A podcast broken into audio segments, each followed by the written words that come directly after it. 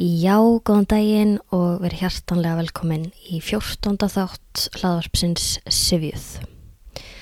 Því ég byrjaði að skrifa þennan þátt þá lagði ég upp með það að ég myndi þræða mig í gegnum máltíðir dagsins. Ég myndi staldra við skemmtilega orð yfir máltíðir og reykja hvaðan þau koma. Þetta skólaðist aðeins til vegna þess að eitt af fyrstu orðunum sem ég skoðiði var enska orðið breakfast og þar fekk ég hugmynd sem ég svona spann út frá. Þannig að það er þátturinn í dag. Ég tek sérstaklega fyrir orðið breakfast og síðan okkur önnur orð þar sem svona sama hugsun líkur að baki. Orðið breakfast þýðir náttúrulega morgunverður á íslensku og ég staldraði við orðið vegna þess að ég áttaði mig á að ég hafði aldrei velt orðlutunum fyrir mér. Break fast break og fast. To break the fast. Breakfast vísar til þess að morgunverðurinn brjóti föstu næturinnar. Breakfast er föstu brjótur. Nóttin er liðin, við erum búin að sofa í einhverja klukkstundir og höfum fastað í þennan tíma, höfum korkin eitt matar nýja drikjar og þegar við vöknum og fáum okkur breakfast þá erum við sérst að brjóta nætur föstuna Ef þið þekkið eitthvað til í förstu fræðum þá er stundum talað um uh, að það hvernig við byrjum aftur að borða eftir förstu, hvernig við brjótum förstuna, að það sé jafn mikilvægt og fastan sjálf. Það er að segja ef við brjótum förstuna vittlaust þá höfum við alls ekki sama gagn af henni. Þannig að þessi tími eftir förstuna sagður vera svona þýðinga mikil þáttur í, í ferlinu, í förstu ferlinu.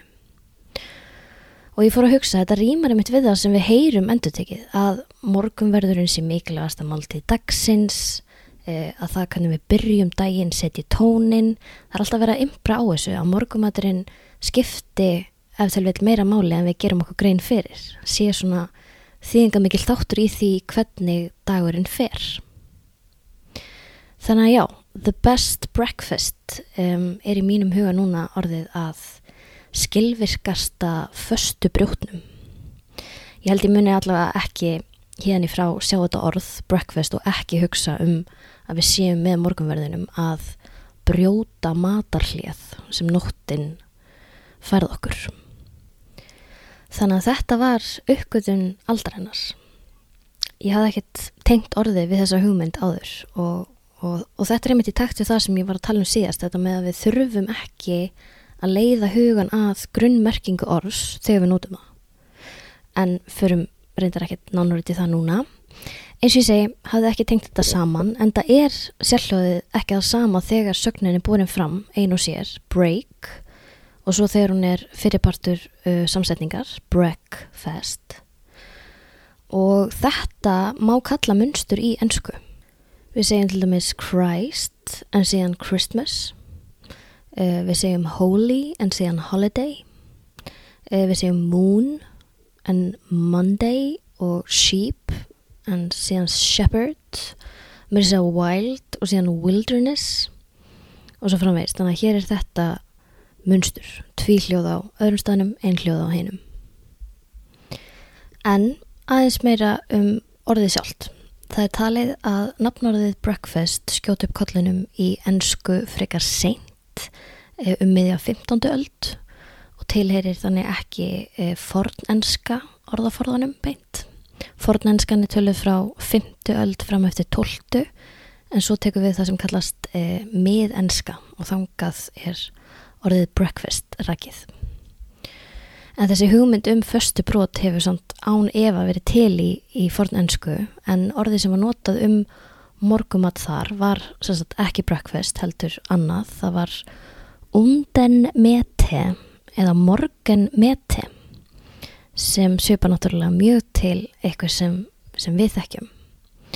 Og þetta er aldrei í takt við það sem er sagt að forn enskan er líkari nútíma íslensku heldur en nútíma ensku sem er náttúrulega stórmerkilegt og getur þýtt að við Íslandingar séum betur í stakk búnir til að lesa forn ennsk handrit heldur en fólk sem hefur ennskuð á móðmáli og það finnst mér stórmerkilegt. En já, kannski smá út út úr. Mm, það er síðan á 17. öll tveimur öldum eftir að nafnorðið breakfast kemur fram í, í ennsku að byrja þeir að nota líka sem sagnorð. To breakfast. Að borða morgumat, að morgun matast. To breakfast, to break the fast og þetta þekkist í mörgum tungumálum að ein sögn nái yfir eitthvað sem maður þurfti alltaf að segja í fleiri orðum á íslensku. Í íslensku getur við náttúrulega ekki sagt morgun matast, allavega ekki ennþá. En þetta er til dæmis hægt í þýsku. Þar þurfum við ekki að eigða orðum í það að segja að borða morgunmat heldur er það bara einsögn sem nær utanum þessa aðtöfn þessa, þessa morgun stund að setja sniður og borða morgunmat þetta er svona sögnin frustukken Mér þykir alltaf aldrei gaman að þessu þegar maður spáir í önnur tungumála að það fái mann svona til að setja sig í stellingar og breyta hugsun sinni örlítið. En um, eftir grúskið um orðið breakfast þá langaði mig til að aðtöga hvort ég fyndi svona förstu brjóta víðar, hvort ég fyndi fleiri orð, annarkvort líka í ennsku eða þá á öðrum tungum, þar sem þessi hugmynd uh, líkur á baki að við brjótum förstu. Og þá er fyrst að nefna að mörg tungumál hafa tekið orðið breakfast úr ennsku og gert það að sínu, lagaða að sínu málkerfi, uh, eins og til dæmis afrikans, það er sagt breakfast, uh, á ísku er sagt breakfaste og á skoskelísku er sagt brakhæst. Þannig að hér hefur breakfast einf einfallega verið tekið að láni en síðan komst ég að því að þessi hugmynd um föstubrót er aðeins nærmir en með hafi grunað. Það er nefnilega þannig að sama hugsun likur að baki ennsku orðunum breakfast og dinner. Ekki skildorð en það ger ólík en, en dinner er föstubrjótur líka. Dinner er sem sé komið inn í ennsku úr fornfrönsku en ennþá lengra aftur úr, úr alþýðu latinu af sögninni dis jejunare.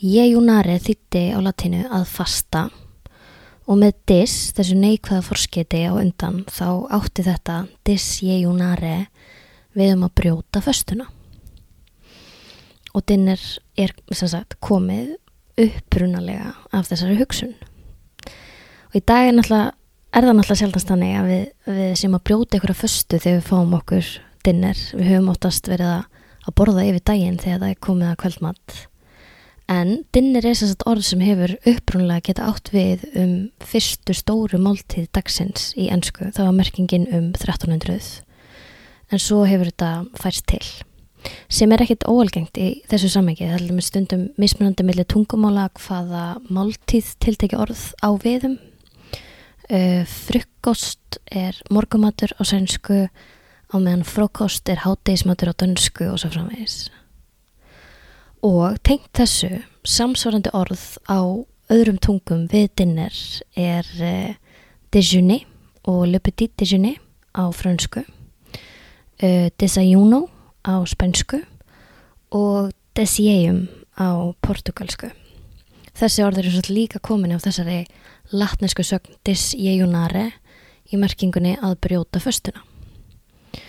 Og þau eiga öll við um alltíðir sem eru borðaðar fyrripart dags, ólíktinnir og, og þess vegna má segja að, að þau séu núna nær upprunalegu hugsuninni, að nætur fastan sé brotinn.